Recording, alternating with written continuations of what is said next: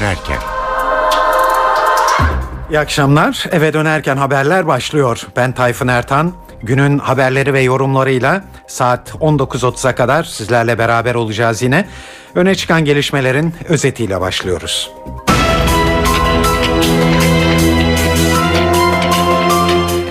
Başbakan Erdoğan, Öcalan'la yapılan görüşmelerle ilgili olarak terör örgütü yöneticileri silah bırakarak Türkiye'yi terk etmelidir. Bizim niyetimiz Bağcı'yı dövmek değil, üzüm yemektir dedi. Ege Denizi'nde Bozcaada açıklarında dün öğleden sonra meydana gelen 6,2 büyüklüğündeki depremin ardından artçı sarsıntılar sürüyor. Az önce 4,9 büyüklüğünde bir deprem daha meydana geldi. Ağır Roman kitabının yazarı Metin Kaçan İstanbul Boğaziçi Köprüsü'nden atlayarak yaşamına son verdi. İzmir İl Milli Eğitim Müdürlüğü'nün Fareler ve İnsanlar gibi klasik bazı romanları sakıncalı bulması üzerine Milli Eğitim Bakanı Dinçer, Şeker Portakalı, Fareler ve İnsanlar gibi sayısız kitap soruşturulmak için değil okunmak için var diye konuştu.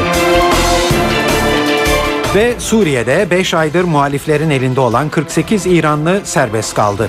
Suriye yönetimi de buna karşılık olarak aralarında 4 Türk'ün de olduğu 2130 kişiyi serbest bırakıyor.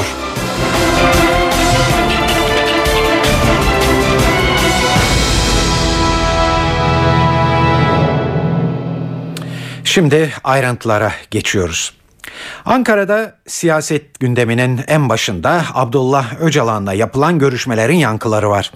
Dün muhalefetteydi söz sırası. Bugün Başbakan Erdoğan'dan dikkat çekici bazı açıklamalar geldi.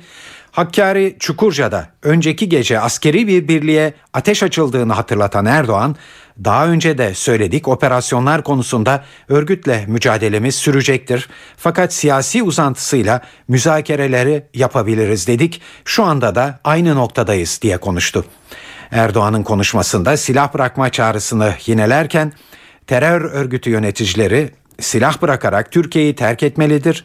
Bizim niyetimiz Bağcı'yı dövmek değil, üzüm yemektir diye konuşması da dikkat çekti.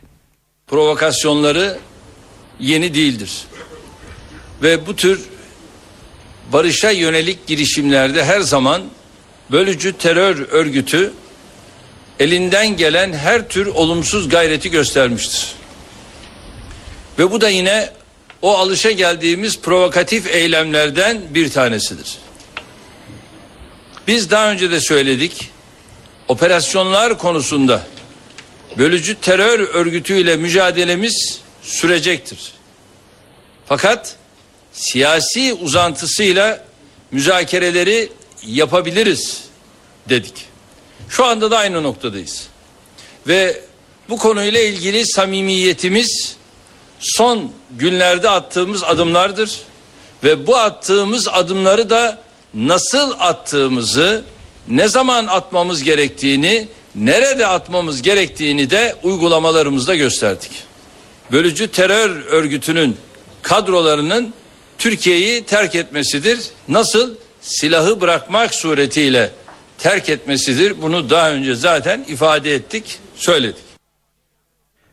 Abdullah Öcalan'la görüşmelerin başlamış olduğunu yıl başında öğrendik ve o zamandan bu yana hız kazanarak büyüdü kamuoyunun ilgisi doğal olarak.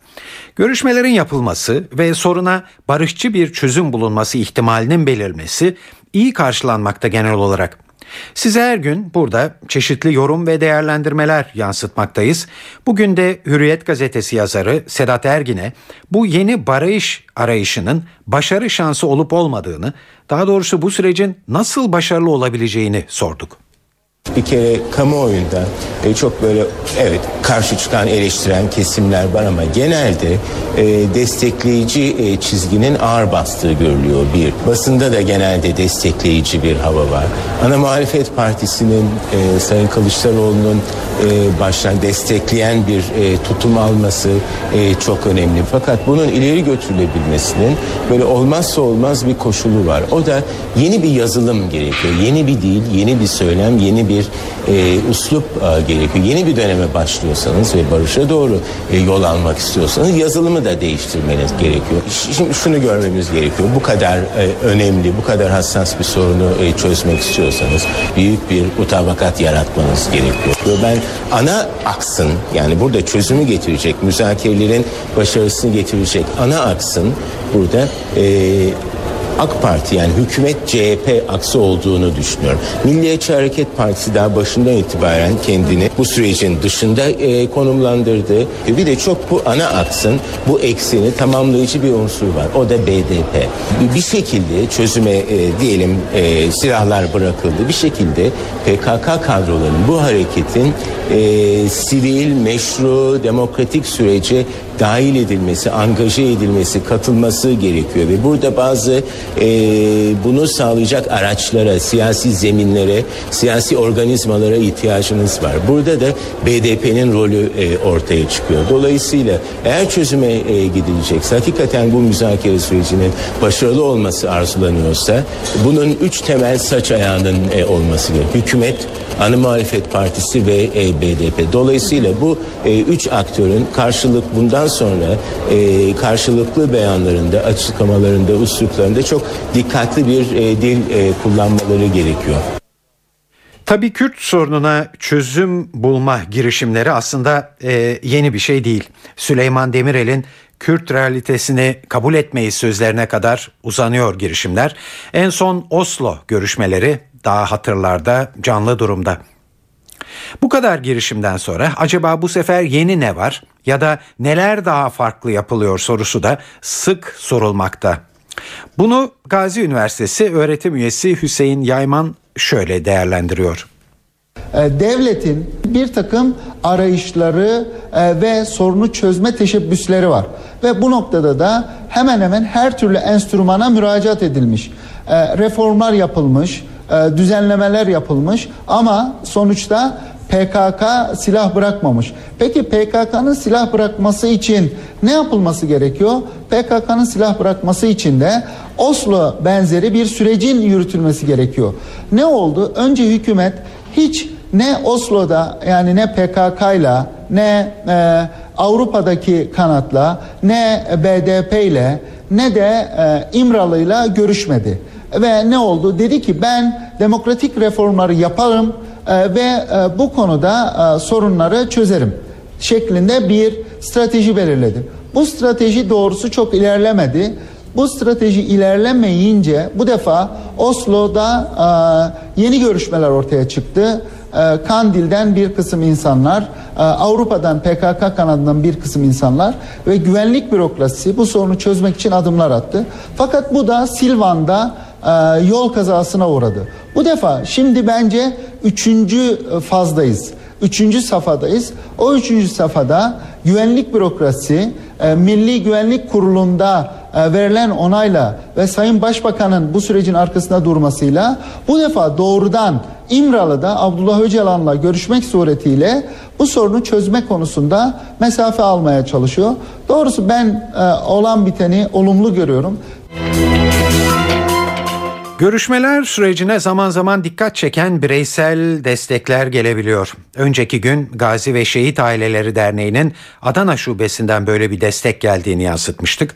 Şimdi de bir oğlu daha da PKK arasında yer alan Diğer oğlu da askere gitmeye hazırlanan Diyarbakır'ın Sur ilçesi belediye başkanı Abdullah Demirbaş süreçten oldukça umutlu olduğunu söylüyor. 35 yıldır siyaset yapan ve çok dilli belediyecilik çalışmaları nedeniyle iki kez görevden alınan Demirbaş sürecin çok değerli olduğunu söylüyor. Demirbaş'ın en büyük korkusu ise oğullarının dağda karşılaşma ihtimali. Bir yanımız dağda, bir yanımız askerde, bir yanımız cezaevindedir. Bu yüreğin parçalanmışlığına artık biz siyasetçiler kendi rantlarımızı bir yana bırakarak artık çare bulmalıyız. İkisinin her an karşılaşabileceği duygusunun bir anne babada yaratacağı acıyı düşünün. Kimin bu annelere, bu babalara bu acıyı yaşatma hakkı vardır.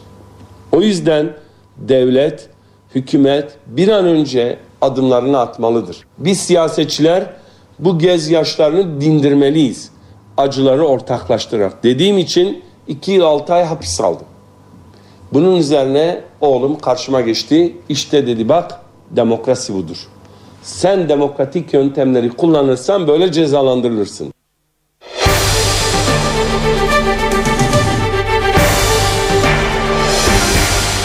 18.10 NTV Radyo'da eve dönerken haberleri dinliyorsunuz. Balyoz davasının gerekçeli kararı ile ilgili tartışma sürüyor. Önceki gün açıklanan Balyoz davasının gerekçeli kararında darbe planına zemin oluşturan askeri yazışmaların asıllarının Genelkurmay arşivinde olduğunun altı çiziliyordu. Dünkü bültenimizde de duyurduğumuz gibi Genelkurmay Başkanlığı bu iddiayı yazılı bir açıklamayla yalanladı ve davaya konu olan belgelerin Türk Silahlı Kuvvetleri arşivinde bulunmadığını vurguladı. Bu durum balyoz davasında yeni bir tartışma başlattı haliyle. Zira mahkeme kararının temelini oluşturan belgelerin gerçekten var olup olmadığı sorusu akılları kurcaladı tabi. Bugünse bu sefer de balyoz davasına bakan İstanbul 10. Ağır Ceza Mahkemesi Genelkurmay'a cevaben yeni bir açıklama yaptı ve gerekçeli kararda belgelerin asıl Genelkurmay'da diye bir ifadenin yer almadığını duyurdu. Böylece işler iyice anlaşılmaz, karmaşık bir hale geliyor anlayacağınız. Aslında karmaşık bir davada ortada kimi gerçek, kimi sahte pek çok belge var. Bu da meseleyi içinden çıkılmaz hale sokuyor haliyle. Karmaşıklığın boyutlarını ve nedenlerini anlamak için Balyoz davasını çok yakından takip eden bir gazeteciye, Hürriyet gazetesi yazarı Sedat Ergin'e başvurduk. Burada meseleye şöyle bakmamız gerekiyor. Bu davanın delilleri içinde iki tür delil, iki kategoride e, delil var. Bunlardan birincisi e, orijinalliği konusunda hiçbir tereddüt olmayan e, belgeler. Örneğin e, 3-5 e, Mart 2003 tarihinde 1. Ordu Karargahı'nda yapılan e, plan semineri. Bunun hazırlığı, bunun senaryosu nasıl yapıldı, bununla ilgili e, belgelerin hepsi orijinal. Kimse bunları inkar etmiyor zaten. Orada yapılan konuşmalar bunların ses kayıtları bu, bunlar orijinal e, belgeler. E, dolayısıyla e, kimse bunlara sahte diyemez. Bunun yanında ikinci bir kategoride e, sahiciliği tartışılan hatta sahici olmadığı, üretilmiş oldukları konusunda çok kuvvetli e, kanıtların ortaya konduğu belgeler var. İşte Balyoz Harekat e, belgesi, Suda belgesi, e, şimdi öyle belgeler var ki işte bakıyorsunuz e, bazı subaylar darbede e, görev almayı kabul etmiş ama o tarihte yurt dışında olduklarını kanıtlıyorlar. Şimdi bu iki tür belge var. Bunların hepsi birbirine e, karıştırılıyor. Bazı belgelerin orijinallerinin genelkurmayda olduğu e, olması kaçınılmaz. Örneğin mesela plan semineriyle ilgili belge, bazı fişlemelerle ilgili belgeler bunlar genelkurmay arşivlerinde vardır. Ama e, işte bu Balyoz Harekat belgesi, işte bu Oraş, Suga gibi belgeler, bu görevlendirme belgeleri yani bazı subayların darbede yer almasına ilişkin, yer almayı kabul ettiklerine ilişkin belgeler. Bunların sahte oldukları konusunda çok kuvvetli argümanlar, çok kuvvetli tezler var. Bunları birbirine karıştırmamak gerekiyor. 18-13 NTV Radyo'da eve dönerken haberlere bir ara vereceğiz ama günün öne çıkan gelişmesini bir kez daha hatırlatalım burada. Başbakan Erdoğan Öcalan'la yapılan görüşmelerle ilgili olarak terör örgütü yöneticileri silah bırakarak Türkiye'yi terk etmelidir e, diye konuştu. Önceki akşam e, PKK'nın Hakkari Çukurca'da bir askeri birliğe ateş açmasını ise e, görüşmelerin e, arifesinde bir provokasyon olarak tanımladı. Ege Denizi'nde Bozcaada açıklarında dün öğleden sonra 6,2 büyüklüğünde bir deprem meydana gelmişti. Bunun artçı sarsıntıları devam ediyor. Az önce de aynı yerde 4,9 büyüklüğünde bir deprem daha oldu. Ege Denizi'nde Bozcaada açıklarında dün öğleden sonra meydana gelen 6,2 büyüklüğündeki depremin ardından artçı sarsıntılar devam ediyor. Az önce de 4,9 büyüklüğünde bir sarsıntı meydana geldi. Kandilli Rasathanesi'nin verilerine göre yüze yakın artçı sarsıntı belirlendi. Güney Marmara deprem hattında meydana gelen bu depremin kuvvetli hissedilmesinin nedeni sahile yakın olmasından kaynaklanıyor. Aslında kuvvetli hissedildiyse de denizde meydana gelmiş olması yıkım ve can kaybını önlemiş durumda. Artık olayın sıcağı arkada kaldığına göre şimdi daha genel bir değerlendirmeye kulak vereceğiz. Orta Doğu Teknik Üniversitesi öğretim üyesi, Yapı ve Deprem Laboratuvarı Başkanı Profesör Doktor Haluk Sucuoğlu bu depremi ve bölgenin depreme yatkınlığını şöyle değerlendirdi. Ege Denizi'nin kuzeyi zaten e, bu tür depremleri üreten bir bölge. Yani 7 civarında e, 7'ye yakın depremler son yıllarda orada meydana gelmiş. Bu deprem bizim kıyılarımıza daha yakın olduğu için biz daha çok hissettik. Bu depremin de artçı sarsıntıları elbette daha küçük depremler e, orada meydana gelebilir. E, yani kendi başına bağımsız bir e, deprem meydana gelmiş ama daha önceki yıllarda da e, bu büyüklükte depremler o bölgede var. Sadece bizim kıyılarımızdan daha uzak olduğu için biz bunu hissetmedik. E, bu Güney Marmara hattı daha küçük faylardan oluşan ama e, işte yaklaşık olarak hani Gemlik, Bursa o bölgeden başlayıp e, Edremit Körfezi'ne kadar, kadar inen ve oradan da Ege Denizi'ne giren bir fay hattı. E, bu fay hattı üzerinde yani bununla alakalı olduğunu söyleyebiliriz bu dün meydana gelen depremin. Ee, ancak e, bu Güney Marmara hattı da e, Güney Marmara hattındaki e, e, fay hattında da geçmişte 7 civarında depremler var. İşte e, Gönen depremi var, Yenice, Manyas depremi var. E, fakat bu bölge 50 yıldır sessiz bir bölge. Yani en son 1964'te meydana gelmiş 7.2 büyüklüğünde bir deprem. E, Dolayısıyla biraz o bölgeye dikkat e, çekebiliriz bence. Güney Marmara'da hani yoğun yerleşimin olduğu bir bölge. Hani Bursa'yı da bunun içine katabilirsiniz. İşte o bölgede Gemlik, Gönen, Edremit Körfezi'ne kadar inebilirsiniz. Yoğun yerleşimin olduğu bir bölge ve eğer bu, de, bu deprem karada meydana gelseydi yani 7'ye yakın bir büyüklükte 6,5-7 arasında gayet tabii etkisini çok daha fazla hissederdik ve Türkiye'de zaten can ve mal kaybına neden olan depremler genellikle bu büyüklükte depremler. Yani bizim kentsel yapımız için bu büyüklükteki depremler e, bize zarar vermeye yeterli oluyor. Dünkü deprem sadece hemen yakındaki illerde değil İstanbul'da da hissedildi. Tabi böyle bir durum olunca hemen İstanbul depremi tetiklenir mi sorusu da gündeme geliverdi.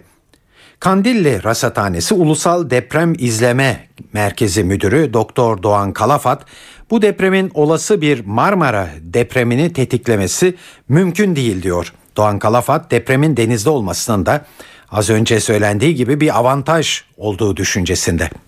Marmara'da veya işte bunu kastediyorsanız İstanbul yakınlarında herhangi bir büyük deprem tetiklemesi söz konusu değil. Normalde baktığımızda da zaten biz e, ayda e, Türkiye ve yakın çevresinde yaklaşık 5-6 tane 5'in üzerinde deprem alıyoruz. Yani 15 ayda bir bu coğrafyada altın üzerinde deprem oluyor. Yapabildiğimiz şu, elimizdeki kataloglardan e, o bölgede olan büyük depremlerin yenilenme te- yani tekrarlanma periyotlarına bakabiliyoruz. Fakat bu hiçbir zaman de bir depremin önceden belirlenmesi değil. Tamamen istatistik metotlar çok büyük geniş hata payları içeriyor.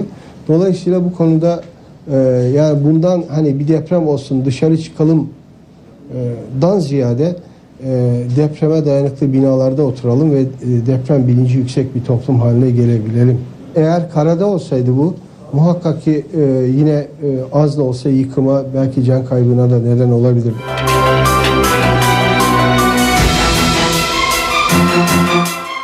Ağır roman kitabının yazarı Metin Kaçan pazar günü sabaha karşı İstanbul Boğaziçi Köprüsü'nden atlayarak yaşamına son verdi.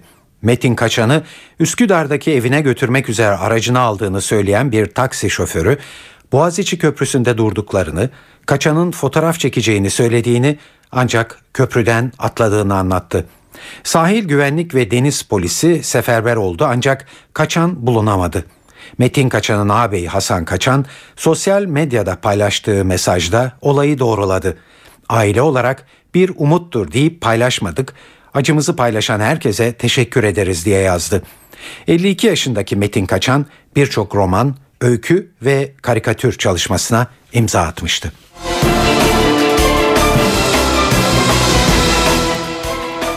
İzmir İl Milli Eğitim Müdürlüğü Kitapları İnceleme ve Değerlendirme Komisyonu'nun aralarında fareler ve insanlar, Şeker Portakalı gibi klasiklerin bulunduğu bazı kitapları sakıncalı bulmasıyla başlayan tartışmayla ilgili olarak Milli Eğitim Bakanı Ömer Dinçer'den bir değerlendirme geldi.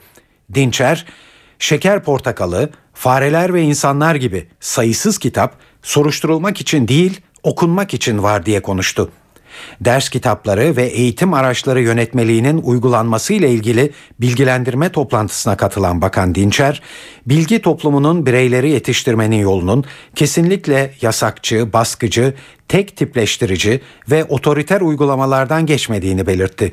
Milli Eğitim Bakanı, dünya edebiyatının seçkin örneklerini sansürlemek, yasaklamak gibi bir tutum içine girmemiz asla söz konusu olamaz dedi.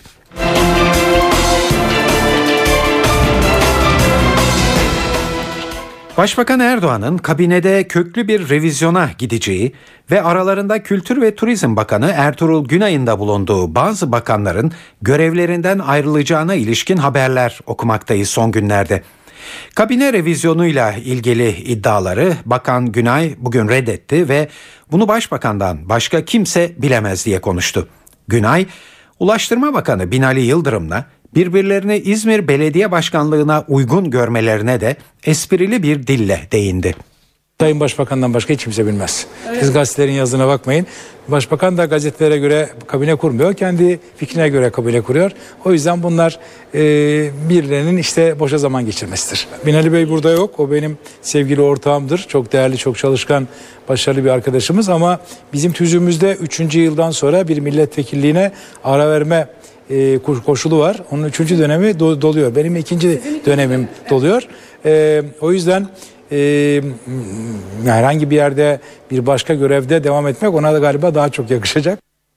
Ertuğrul Günay kendisine son dönemde yasaklanan kitaplar sorulduğunda da 3. yargı paketiyle 453 kitap hakkındaki yasağın kalktığına dikkat çekti.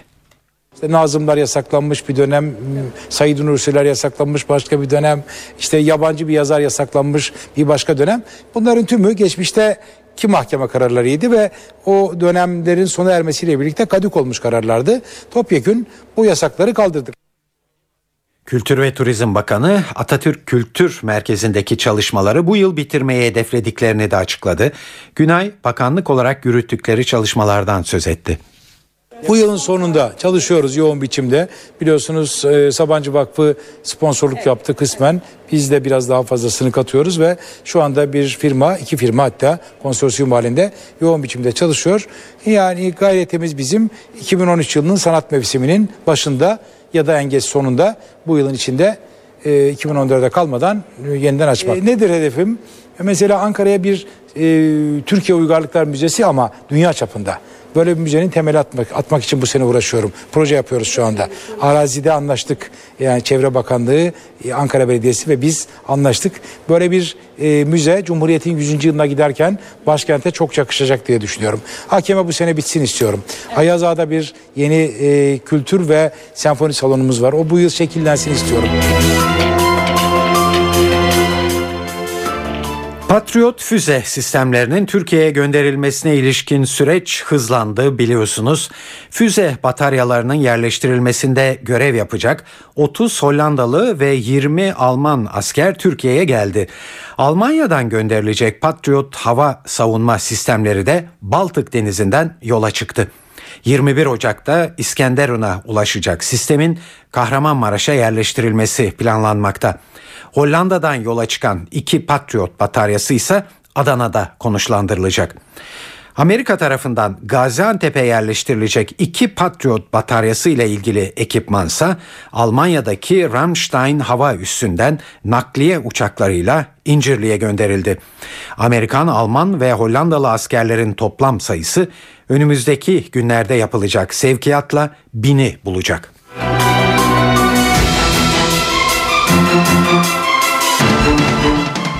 Zonguldak Kozlu'da 8 işçinin hayatını kaybettiği göçükte toprak altında kalan 3 işçi hala çıkarılamadı. Madendeki metan gazının oranı düştü ancak risk devam ettiği için ekipler henüz madene inemiyor. Şimdi Kozlu'ya gidelim ve Özden Erkuş'tan son durumu alalım.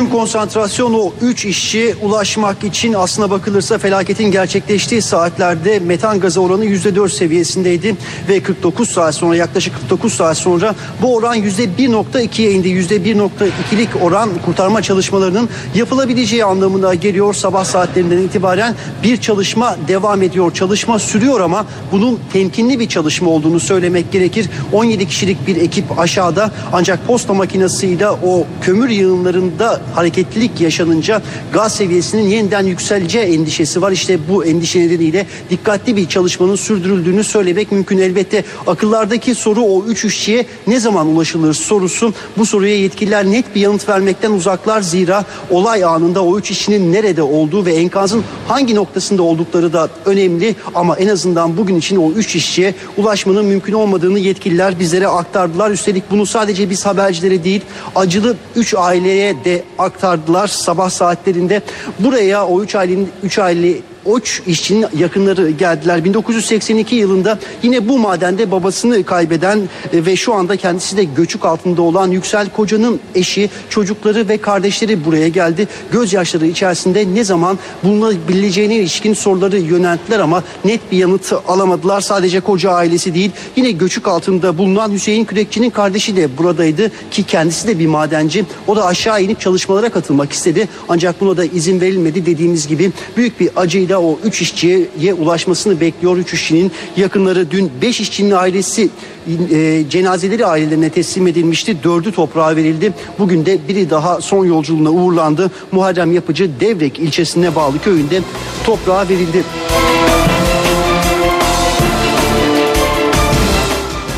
Şimdi bugün para ve sermaye piyasalarında neler oldu ona bakacağız.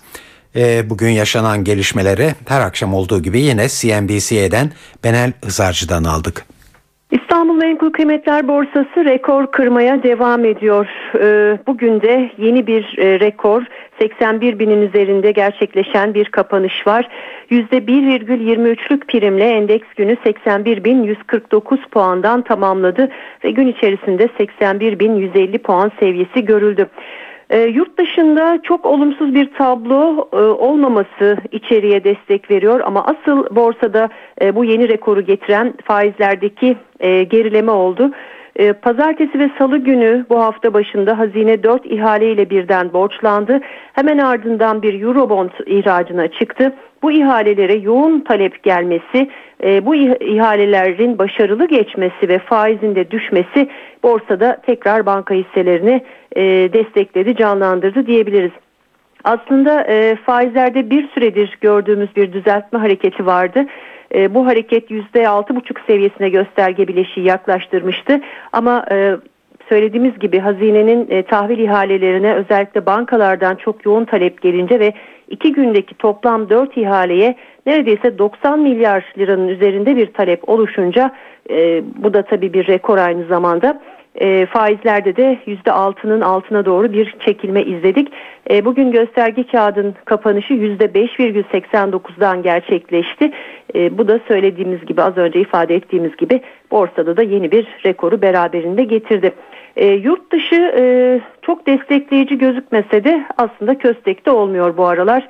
Oldukça sakin diyebiliriz. Amerika tarafına baktığımız zaman e, bilanço sezonu öncesi bir miktar gerginlik vardı ama e, şu an atlatıldı. Çünkü ilk bilanço Alcoa bilançosu oldukça iyi geldi ve bu da e, bilançolar konusunda biraz daha ümit e, yarattı. E, Avrupa tarafına baktığımızda Avrupa Merkez Bankası'nın yarın toplantısı var. Ön plana çıkan e, gelişme bu. Avrupa Merkez Bankası'nın da yarın e, belki bir faiz indirimine e, gitmesi bekleniyor. E, Japonya tarafında Japon Merkez Bankası'nın yeni parasal genişlemeyi e, gündemine alması bekleniyor 19-20 Ocak toplantısında. E, Merkez Bankası destekleri devam ediyor. Bu da tabii dünyada genel olarak likiditenin devamını ve piyasalardaki olumlu görünümün korunmasını sağlıyor.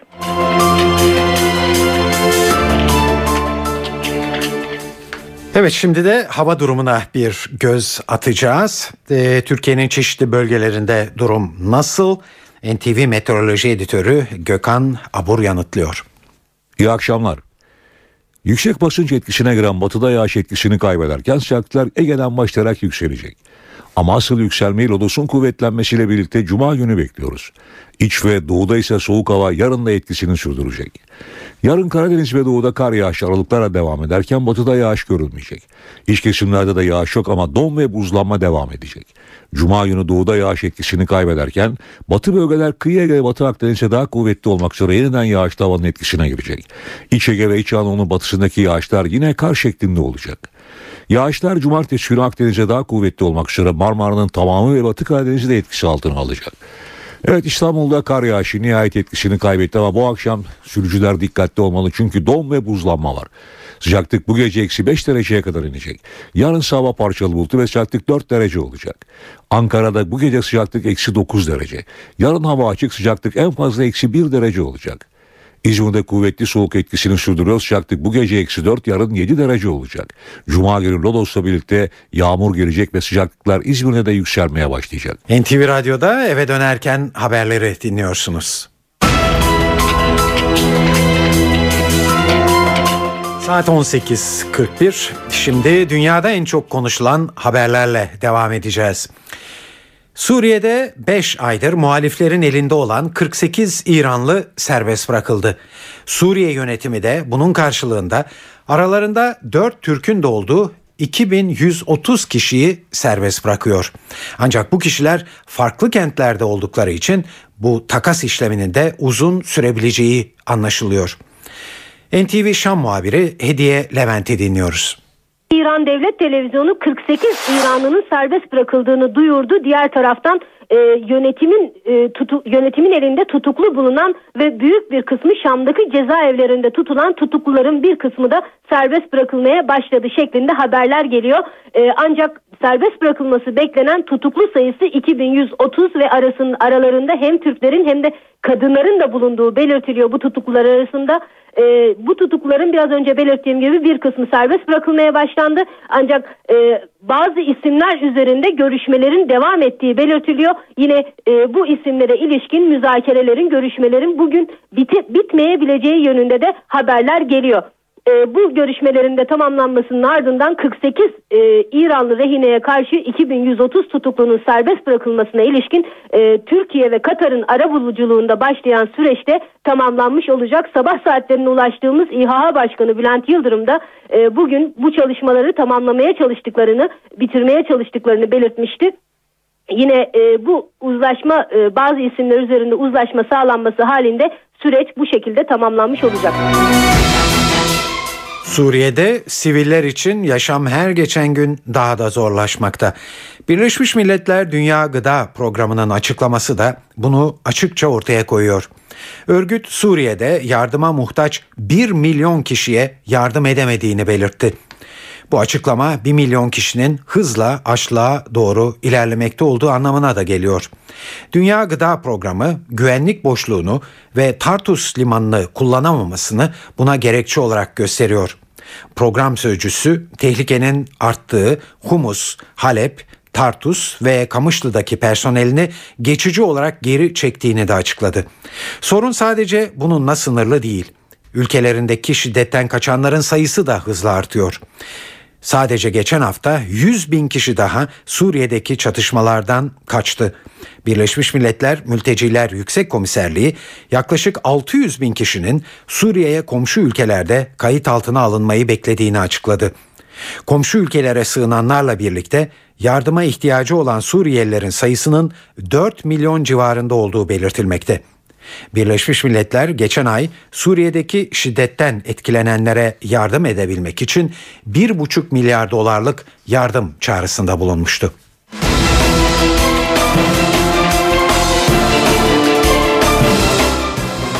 Amerika Birleşik Devletleri ve İngiltere Suriye'nin elindeki kimyasal silahlarla ilgili olarak yeni bir korku içinde.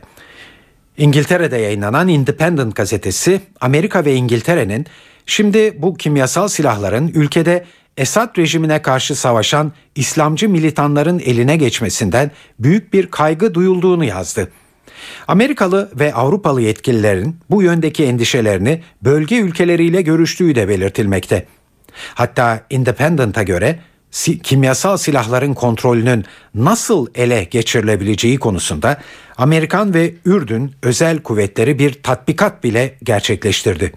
İngilizler de bu tatbikata gözlemci olarak katıldı. Gazete Türkiye'ye Patriot füze savunma sistemi gönderilmesinin de Esad rejiminin kimyasal silah kullanabileceği yönündeki endişelerden kaynaklandığını vurguladı. Suriye'nin kimyasal silahların yanı sıra biyolojik silah programı olduğu da söylenmekte. Çiçek hastalığı ve kolera gibi mikropların depolandığı tesislerin hedef alınması halinde bu mikropların etrafa yayılarak büyük bir salgın başlatabileceği yönünde endişeler de duyulmakta.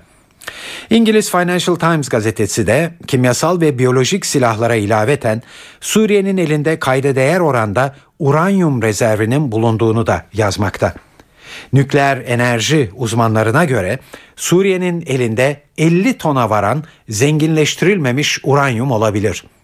Batılı ülkeler nükleer silah yapımında kullanılabilecek bu uranyumun Suriye tarafından müttefiği İran'a nakledilmesinden de kaygı duyuyor.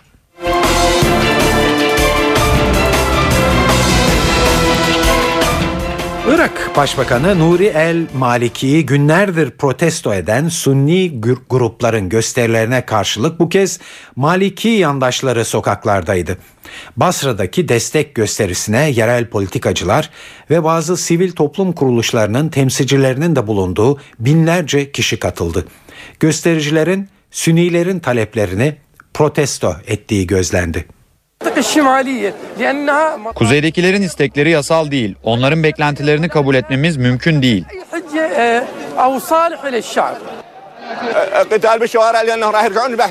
Bağızçılar geri dönerse sokaklarda çatışmalar başlar. Onların yeniden başlayacak etkinliğini kabul edemeyiz. Irak'taki Şii-Sünni gerilimi kabineye de yansıdı. Meclisin Kürt ve Sünni bakanları Bakanlar Kurulu toplantısını boykot etti. Bakanların ülkede son dönemde yaşanan Sünni protestolara destek vermek için bu kararı aldığı belirtildi. Sünni El Iraki listesi hareketi de Başbakan Nuri El Maliki aleyhinde meclis başkanlığına soru önergesi verdi. Meclis başkanlığınca kabul edilen bu soru önergesi uyarınca Nuri El Maliki'nin yakın zamanda meclise giderek milletvekillerinin sorularını yanıtlaması bekleniyor. Sünnilerin gösterilerinde tutukluların serbest bırakılması, terörle mücadele ve genel af gibi konularda düzenleme yapılması talep ediliyor.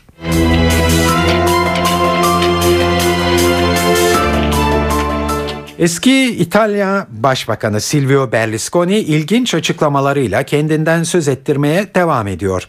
Siyasete geri dönme kararıyla bir süredir ülke gündemini meşgul eden Berlusconi, bu kez boşanma davasına bakan kadın hakimler için üçü de feminist ve komünist ifadesini kullandı.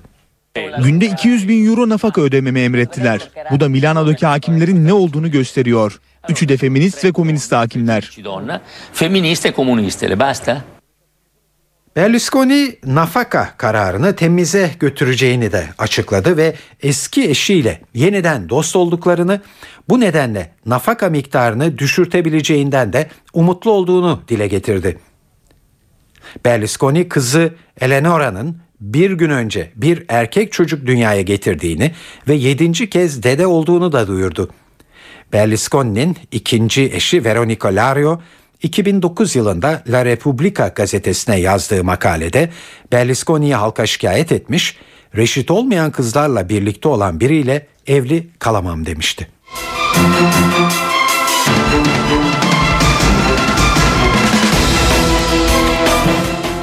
Amerika Birleşik Devletleri'nin İran işgali sırasında hapishanelerde işkence gören mahkumlar verdikleri hukuk mücadelesini yıllar sonra kazandı. Amerikan işgali sırasında Ebu Gureyb ve diğer hapishanelerde işkence gören 71 mahkum 5 milyon dolar değerinde tazminat aldı. Mahkumlar arasında bölüştürülecek bu tazminatı Irak'ta görev yapan Amerikan askerlerine tercüman sağlayan Engility Holdings ödedi. Söz konusu şirket Ebu Ghraib ve diğer Irak hapishanelerindeki işkence olaylarına karışmakla suçlanıyordu. Tazminat kararı Iraklı eski tutuklu ve hükümlülerin Amerikan mahkemelerinde başlattığı hak arayışının ilk zaferi olarak yorumlanmakta. Amerikan hükümeti ise savaş zamanında ordu faaliyetlerinden kaynaklanan suçlamalar karşısında yasal dokunulmazlığa sahip. Hükümetin savaş bölgesinde işbirliği yaptığı özel şirketler de aynı dokunulmazlıktan faydalanmak için lobi faaliyetleri yürütmekte.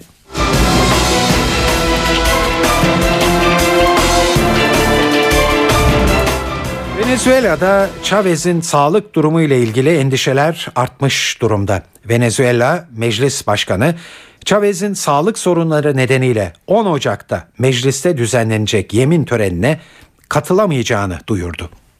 Chavez'in tedavi süreci 10 Ocak'a kadar tamamlanacak. Bu yüzden meclis önünde yemin etmesi mümkün değil. Bu yüzden anayasanın 231. maddesinin devreye sokulmasını ve yeni bir tarih belirlenmesini istiyoruz. Evet muhalefet ise Chavez'in yemin törenine katılmaması halinde başkanlık görevine vekaleten bir ismin atanmasını ve seçimlere gidilmesini istiyor.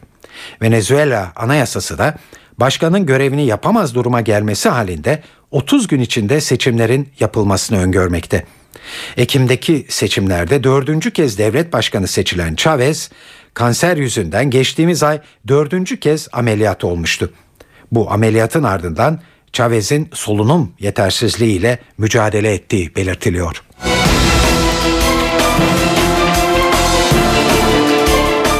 Bir dizi spor haberi var. Sırada Galatasaray Hollandalı futbolcu Schneider'i transfer edebilmek için gün sayıyor. Sarı Kırmızılılar Hollandalı Yıldız ve kulübü Inter'le maddi konularda anlaştı. Galatasaray'ın görüşmelere başlandığını borsaya da bildirdiği transfer için son kararı Schneider'in ailesi verecek. Galatasaray'dan kamuoyu aydınlatma platformuna gönderilen açıklamada Inter profesyonel oyuncularından Wesley Schneider'in transferi için kulübüyle görüşmelere başlanmıştır. Kamuoyu gelişmelerden haberdar edilecektir denildi. Alınan ilk bilgilere göre Galatasaray ile Inter 8 milyon euro bonservis bedeli karşılığında el sıkıştı. Sarı kırmızılı kulüp Schneider'le de yıllık ücret ve sözleşme süresi konusunda anlaşmaya vardı. Schneider'in kararını Galatasaray'a cuma gününe kadar bildireceği ifade ediliyor.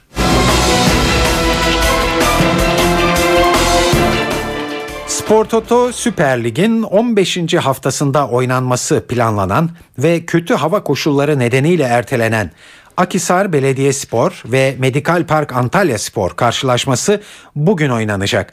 Elverişsiz hava ve saha koşulları nedeniyle 16. dakikada ertelenen karşılaşma kaldığı dakikadan itibaren başlayacak ve saat 19'da oynanacak. Akisar Belediyespor ve Medikal Park Antalya Spor arasındaki karşılaşmayı hakem Özgür Yankaya yönetecek.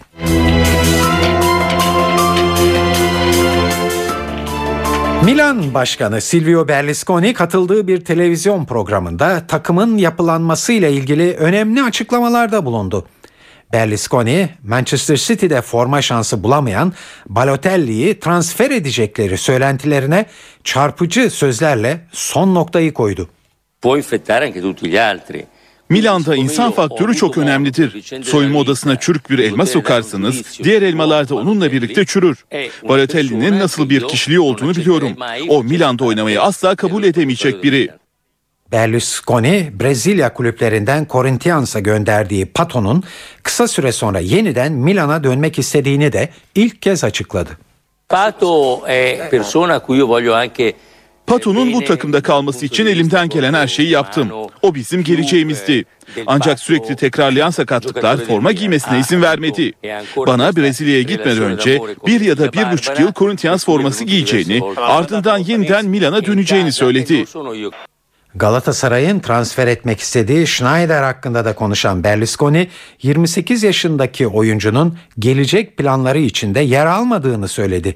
Milan Başkanı yeniden teknik direktörlüğe döneceğini açıklayan Guardiola ile anlaşma şanslarının çok az olduğunu da yineledi.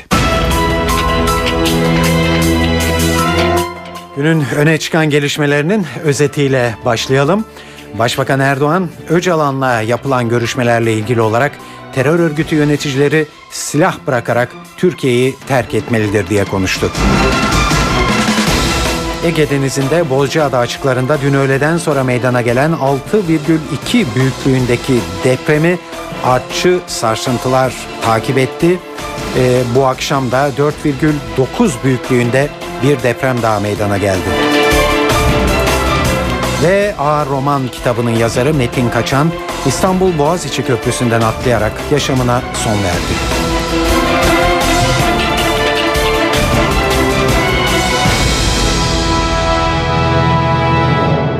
Ankara'da siyaset gündeminin en başında Abdullah Öcalan'la yapılan görüşmelerin yankıları var. Dün muhalefetteydi söz sırası. Bugün Başbakan Erdoğan'dan dikkat çekici açıklamalar geldi. Hakkari Çukurca'da önceki gece askeri bir birliğe ateş açıldığını hatırlatan Erdoğan bunun provokasyon olduğunu vurguladı. Erdoğan daha önce de söyledik operasyonlar konusunda örgütle mücadelemiz sürecektir. Fakat siyasi uzantısıyla müzakereleri yapabiliriz dedik. Şu anda da aynı noktadayız diye konuştu. Erdoğan PKK'nın son saldırısının görüşmeler sürecini hedef aldığını ima etti. Provokasyonları yeni değildir. Ve bu tür barışa yönelik girişimlerde her zaman bölücü terör örgütü elinden gelen her tür olumsuz gayreti göstermiştir. Ve bu da yine o alışa geldiğimiz provokatif eylemlerden bir tanesidir. Biz daha önce de söyledik. Operasyonlar konusunda bölücü terör örgütüyle mücadelemiz sürecektir. Fakat siyasi uzantısıyla müzakereleri yapabiliriz dedik. Şu anda da aynı noktadayız.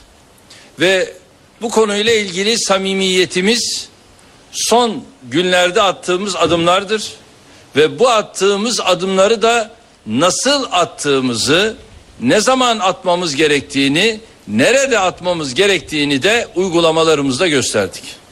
Bölücü terör örgütünün kadrolarının Türkiye'yi terk etmesidir. Nasıl? Silahı bırakmak suretiyle terk etmesidir. Bunu daha önce zaten ifade ettik, söyledik. Ege Denizi'nde Bozcaada açıklarında dün öğleden sonra meydana gelen 6,2 büyüklüğündeki depremin ardından artçı sarsıntılar devam ediyor. Kandilli Rasathanesi'nin verilerine göre yüze yakın artçı sarsıntı oldu ve bunların büyüklükleri 2,3 ile 4,9 arasında değişiyor. Güney Marmara deprem hattında meydana gelen bu depremin kuvvetli hissedilmesinin nedeni sahile yakın olmasından kaynaklanıyor. Aslında kuvvetli hissedilmesine hissedildi ama denizde meydana gelmiş olması nedeniyle yıkım ve can kaybı da önlenmiş oldu. Artık olayın sıcağı arkada kaldığı için şimdi daha genel bir değerlendirmeye kulak vereceğiz. Orta Doğu Teknik Üniversitesi öğretim üyesi Yapı ve Deprem Laboratuvarı Başkanı Profesör Haluk Sucuoğlu bu depremi ve bölgemin depreme yatkınlığını şöyle değerlendirdi. Ege Denizi'nin kuzeyi zaten e, bu tür depremleri üreten bir bölge. Yani 7 civarında e, 7'ye yakın depremler son yıllarda orada meydana gelmiş. Bu deprem bizim kıyılarımıza daha yakın olduğu için biz daha çok hissettik. Bu depremin de artçı sarsıntıları elbette daha küçük depremler e, orada meydana gelebilir. E, yani kendi başına bağımsız bir e, deprem meydana gelmiş ama daha önceki yıllarda da e, bu büyüklükte depremler o bölgede var. Sadece bizim kıyılarımızdan daha uzak olduğu için biz bunu hissetmedik. E, bu Güney Marmara hattı daha küçük faylardan oluşan ama e, işte yaklaşık olarak hani Gemlik, Bursa o bölgeden başlayıp e, Edremit Körfezi'ne kadar, kadar inen ve oradan da Ege Denizi'ne giren bir fay hattı. E, bu fay hattı üzerinde yani bununla alakalı olduğunu söyleyebiliriz bu dün meydana gelen depremin. Ee, ancak e, bu Güney Marmara hattı da e, Güney Marmara hattındaki e, fay hattında da geçmişte 7 civarında depremler var. İşte e, Gönen depremi var, Yenice, Manyas depremi var. E, fakat bu bölge 50 yıldır sessiz bir bölge. Yani en son 1964'te meydana gelmiş 7.2 büyüklüğünde bir deprem. E, Dolayısıyla biraz o bölgeye dikkat e, çekebiliriz bence. Güney Marmara'da Hani yoğun yerleşimin olduğu bir bölge. Hani Bursa'yı da bunun içine katabilirsiniz. Ee, işte o bölgede Gemlik, e, Gönen, e, Edremit Körfezi'ne kadar inebilirsiniz. Yoğun yerleşimin olduğu bir bölge ve eğer bu da, bu deprem karada meydana gelseydi yani 7'ye yakın bir büyüklükte 6,5-7 arasında gayet tabii etkisini çok daha fazla hissederdik ve Türkiye'de zaten can ve mal kaybına neden olan depremler genellikle bu büyüklükte depremler. Yani bizim kentsel yapımız için bu büyüklükteki depremler e, bize zarar vermeye yeterli oluyor. Dünkü deprem sadece hemen yakın illerde değil İstanbul'da da hissedildi. Ve tabii böyle bir durum olunca da hemen İstanbul depremi tetiklenir mi sorusu gündeme geliverdi. Kandilli Rasathanesi Ulusal Deprem İzleme Merkezi Müdürü Doktor Doğan Kalafat bu depremin olası bir Marmara depremini tetiklemesi mümkün değil diyor. Marmara'da veya işte e, bunu kastediyorsanız İstanbul yakınlarında herhangi bir büyük deprem tetiklemesi söz konusu değil. Normalde baktığımızda da zaten biz e, ayda e, Türkiye ve yakın çevresinde yaklaşık 5-6 tane 5'in üzerinde deprem alıyoruz. Yani 15 ayda bir bu coğrafyada altın üzerinde deprem oluyor. Yapabildiğimiz şu, elimizdeki kataloglardan e, o bölgede olan büyük depremlerin yenilenme te- yani tekrarlanma periyotlarına bakabiliyoruz. Fakat bu hiçbir zaman de bir depremin önceden belirlenmesi değil. Tamamen istatistik metotlar çok büyük geniş hata payları içeriyor. Dolayısıyla bu konuda e, yani bundan hani bir deprem olsun dışarı çıkalım e, dan ziyade e, depreme dayanıklı binalarda oturalım ve e, deprem bilinci yüksek bir toplum haline gelebilelim. Eğer karada olsaydı bu muhakkak ki e, yine e, az da olsa yıkıma belki can kaybına da neden olabilir. Ağır Roman yaz- e, kitabının yazarı Metin Kaçan pazar günü sabaha karşı İstanbul Boğaziçi Köprüsü'nden atlayarak yaşamına son verdi. Metin Kaçan'ı Üsküdar'daki evine götürmek için aracını aldığını söyleyen taksi şoförü Boğaziçi Köprüsü'nde durduklarını, Kaçan'ın fotoğraf çekeceğini söylediğini ancak daha sonra köprüden atladığını anlattı. Sahil güvenlik ve deniz polisi seferber oldu ama Kaçan bulunamadı.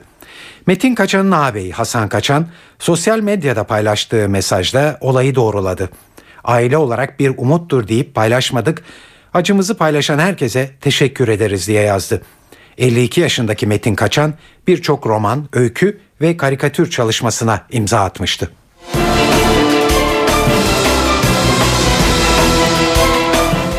Zonguldak Kozlu'da 8 işçinin hayatını kaybettiği göçükte toprak altında kalan 3 işçi hala çıkarılamadı. Madendeki metan gazının oranı düştü ancak risk devam ettiği için ekipler henüz madene inemiyor. Kozlu'ya gidelim şimdi ve Özden Erkuş'tan son durumu alalım. Tüm konsantrasyon o 3 işçi ulaşmak için aslına bakılırsa felaketin gerçekleştiği saatlerde metan gazı oranı %4 seviyesindeydi ve 49 saat sonra yaklaşık 49 saat sonra bu oran %1.2'ye indi. %1.2'lik oran kurtarma çalışmalarının yapılabileceği anlamına geliyor. Sabah saatlerinden itibaren bir çalışma devam ediyor. Çalışma sürüyor ama bunun temkinli bir çalışma olduğunu söylemek gerekir. 17 kişilik bir ekip aşağıda ancak posta makinesiyle o kömür yığınlarında hareketlilik yaşanınca gaz seviyesinin yeniden yükseleceği endişesi var. İşte bu endişe nedeniyle dikkatli bir çalışmanın sürdürüldüğünü söylemek mümkün. Elbette akıllardaki soru o 3 işçiye ne zaman ulaşılır sorusu. Bu soruya yetkililer net bir yanıt vermekten uzaklar. Zira olay anında o 3 işçinin nerede olduğu ve enkazın hangi noktasında oldukları da önemli. Ama en azından bugün için o 3 işçiye ulaşmanın mümkün olmadığını yetkililer bizlere aktardılar. Üstelik bunu sadece biz habercilere değil acılı 3 aileye de aktardılar sabah saatlerinde. Buraya o 3 ailenin 3 aile Oç işçinin yakınları geldiler. 1982 yılında yine bu madende babasını kaybeden e, ve şu anda kendisi de göçük altında olan Yüksel Koca'nın eşi, çocukları ve kardeşleri buraya geldi. Gözyaşları içerisinde ne zaman bulunabileceğine ilişkin soruları yönelttiler ama net bir yanıt alamadılar. Sadece koca ailesi değil yine göçük altında bulunan Hüseyin Kürekçi'nin kardeşi de buradaydı ki kendisi de bir madenci. O da aşağı inip çalışmalara katılmak istedi. Ancak buna da izin verilmedi dediğimiz gibi büyük bir acıyla sırasıyla o 3 işçiye ulaşmasını bekliyor. 3 işçinin yakınları dün 5 işçinin ailesi e, cenazeleri ailelerine teslim edilmişti. Dördü toprağa verildi. Bugün de biri daha son yolculuğuna uğurlandı. Muharrem Yapıcı Devrek ilçesine bağlı köyünde toprağa verildi.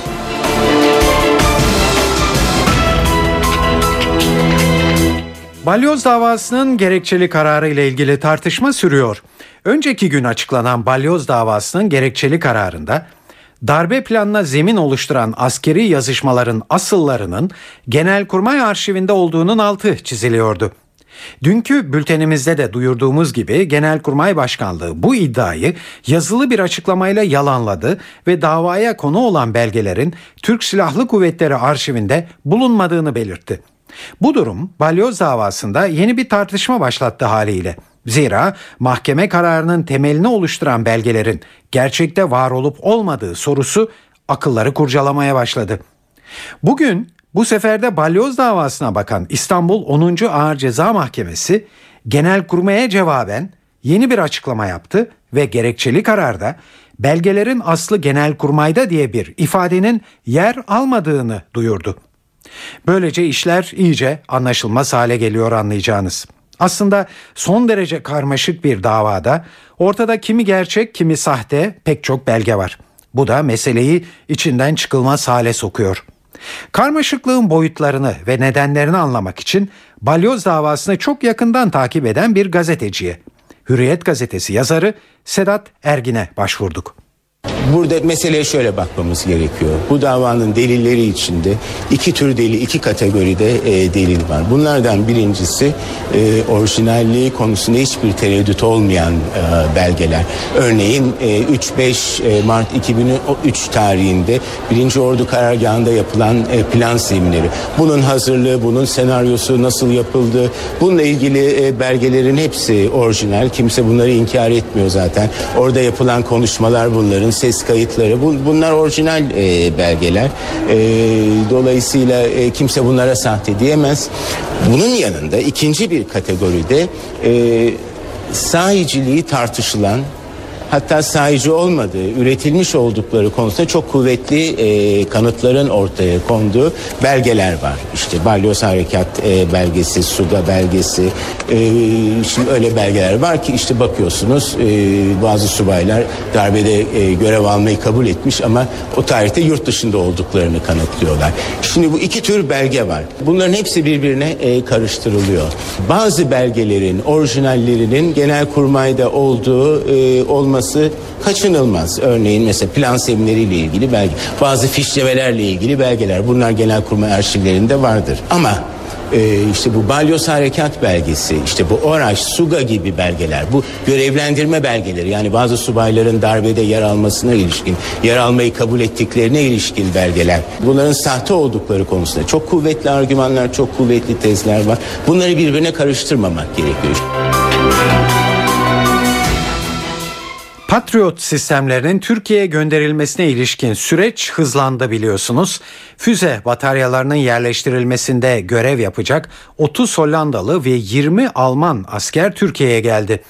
Almanya'dan gönderilecek Patriot hava savunma sistemleri de Baltık denizinden yola çıktı. 21 Ocak'ta İskenderun'a ulaşacak sistemin Kahramanmaraş'a yerleştirilmesi planlanıyor. Hollanda'dan yola çıkan iki Patriot bataryası ise Adana'da konuşlandırılacak. Amerika Birleşik Tarafları tarafından Gaziantep'e konuşlandırılacak iki Patriot bataryası ile ilgili ekipmanlarsa Almanya'daki Ramstein hava üssünden nakliye uçaklarıyla İncirli'ye gönderildi. Amerikan, Alman ve Hollandalı askerlerin toplam sayısı önümüzdeki günlerde yapılacak sevkiyatlarla bini bulacak.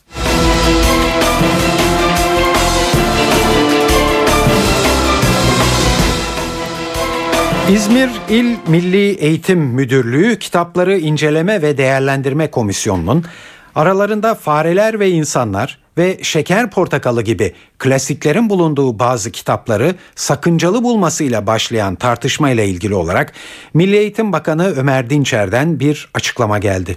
Dinçer, Şeker Portakalı ve Fareler ve İnsanlar gibi sayısız kitap soğuşturulmak için değil, okunmak için var diye konuştu. Ders kitapları ve eğitim araçları yönetmeliğinin uygulanması ile ilgili bir bilgilendirme toplantısına katılan Dinçer, bilgi toplumunun bireyleri yetiştirmenin yolunun kesinlikle yasakçı, baskıcı, tek tipleştirici ve otoriter uygulamalardan geçmediğini belirtti. Bakan, dünya edebiyatının seçkin örneklerini sansürlemek, yasaklamak gibi bir tutum içine girmemiz asla söz konusu olamaz dedi.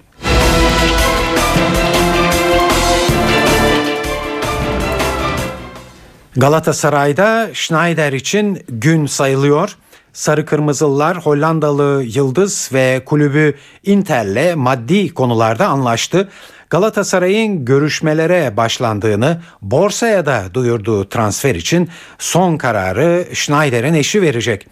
Galatasaray'dan kamuoyu aydınlatma platformuna gönderilen açıklamada Inter profesyonel oyuncularından Wesley Schneider'in transferi için kulübüyle görüşmelere başlanmıştır. Kamuoyu gelişmelerden haberdar edilecektir denildi. Alınan ilk bilgilere göre Galatasaray ile Inter 8 milyon euro bonservis bedeli karşılığında el sıkıştı. Sarı Kırmızılı kulüp Schneider ile de yıllık ücret ve sözleşme süresi konusunda anlaştı. Schneider'in kararını Galatasaray'a cuma gününe kadar bildirileceği anlaşılıyor. Milan Başkanı Silvio Berlusconi katıldığı bir televizyon programında takımın yapılanmasıyla ilgili önemli açıklamalarda bulundu ve Galatasaray'ın görüşmelere başladığı Schneider hakkında da bir açıklamada bulundu. Berlusconi 28 yaşındaki Hollandalı oyuncunun Milan'ın gelecek planları içinde yer almayacağını söyledi. Ayrıca yeniden teknik direktörlüğe döneceğini açıklayan Pep Guardiola ile de anlaşma şanslarının çok az olduğunu söyledi.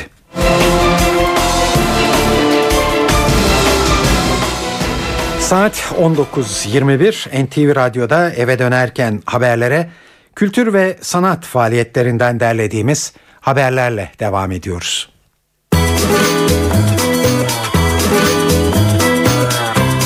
Rus asıllı Kanadalı şarkıcı China Woman bugün ve yarın Babilon'da konser verecek. Duygusal şarkı sözleri ve duru vokaliyle dikkat çeken şarkıcının konserleri saat 21.30'da başlayacak. Borusan Müzik Evi'nde de bu akşam Weed adlı grup çıkıyor. Doğaçlama çalışmalar yapmayı günümüz müziği için önemli bir gereklilik olarak kabul eden grup, cazdan halk ezgilerine uzanan ses renkliliğiyle dikkat çekiyor. Bu konserde saat 21.30'da. Nardis Jazz Club'da bugün Ülkü Sunat Quartet var. Sunat, 2007 yılındaki Nardis Jazz Vokal yarışmasında Nardis Özel Ödülü ve Sibel Köse Workshop Ödülü kazanmıştı. Bu geceki repertuarında caz standartlarının yanı sıra farklı tarzlardan şarkılar da söyleyecek. Sunat'a sahnede eşlik eden isimler ise Uras Kıvaner, Kamil Erdem ve Cem Aksel. Konser saat 21.30'da. Yunanistan'ın en önde gelen sanatçılarıyla çalışan Fanis Mavikanis, Buzuki Orhan eşliğinde Getto'da bu akşam. Enstrümantal bir performansın sergileneceği konser saat 21.30'da başlayacak. Tiyatroya gitmek isteyenler de Turgay Doğan'ın yazıp yönettiği Site adlı oyunu Maya Cüneyt Türel sahnesinde görebilir. Oyunda büyük şehrin keşmekeşinden, kaosundan kaçmak isteyen insanların korkuları, yalnızlıkları ve bekleyişleri konu ediliyor. Oyunun başlama saati 20.30. Akbank Sanat'ta ise fotoğraf üzerine sohbetler etkinliğine katılabilirsiniz. Fotoğrafçı ve yazar Merih Akoğlu, duayen Ara Gürer'i ağırlıyor. Etkinlik saati 19. Ankara ile devam edelim. Ankara Devlet Opera ve Balesi bugün besteci ve orkestra şefi Okan Demiriş'in Kar Yağdı Hatun adlı operasını sahneleyecek. Eser Ankaralıların yabancı olmadığı bir kadın Eren hikayesini anlatıyor. 27 yıl sonra yeniden sahnelenen Kar Yağdı Hatun operası saat 20'den itibaren sahnede. Antalya Devlet Tiyatrosu da yeni yılın ilk ayında Shakespeare'in ünlü eseri Otello isimli oyunla perde açıyor. Yönetmenliğini Malcolm Kate Kane üstlendiği oyun bugün saat 20'de Haşim İşcan Kültür Merkezi Devlet Tiyatrosu sahnesinde görülebilir. Bülteni evde olacaklar için önerilerle kapatalım. Woody Allen'ın yönetip rolde aldığı Manhattan adlı film bugün CNBC'de izlenebilir. Bu film New York aşığı Allen'ın kendi şehrine, semtine yazdığı bir aşk mektubu olarak tanımlanıyor. Allen filmde Isaac adlı bir komedi yazarını oynuyor. Filmin başlama saati 22. Ayrıca bugün E2'de saat 23'te Family Guy'ı, Star TV'de de saat 20'de Muhteşem Yüzyıl'ı izleyebilirsiniz. Evet son bir notla kapatalım yayınımızı. Spor Toto Süper Lig'in 15. haftasında oynanması planlanan ve kötü hava koşulları nedeniyle e, ertelenen Akisar Belediyespor ve Medikal Park Antalya Spor karşılaşması şu sıralarda oynanmakta. Maçın 41. dakikasındayız ve birkaç dakika sonra ilk devre sona erecek. Maç şu anda 0-0 devam ediyor. Evet bu notla eve dönerken haberler bu akşam da burada sona eriyor. Bu yayının editörlüğünü Onur Koçaslan, stüdyo teknisyenliğini İsmet Tokdemir yaptı. Ben Tayfun Ertan. Hepinize iyi akşamlar diliyoruz. Hoşçakalın.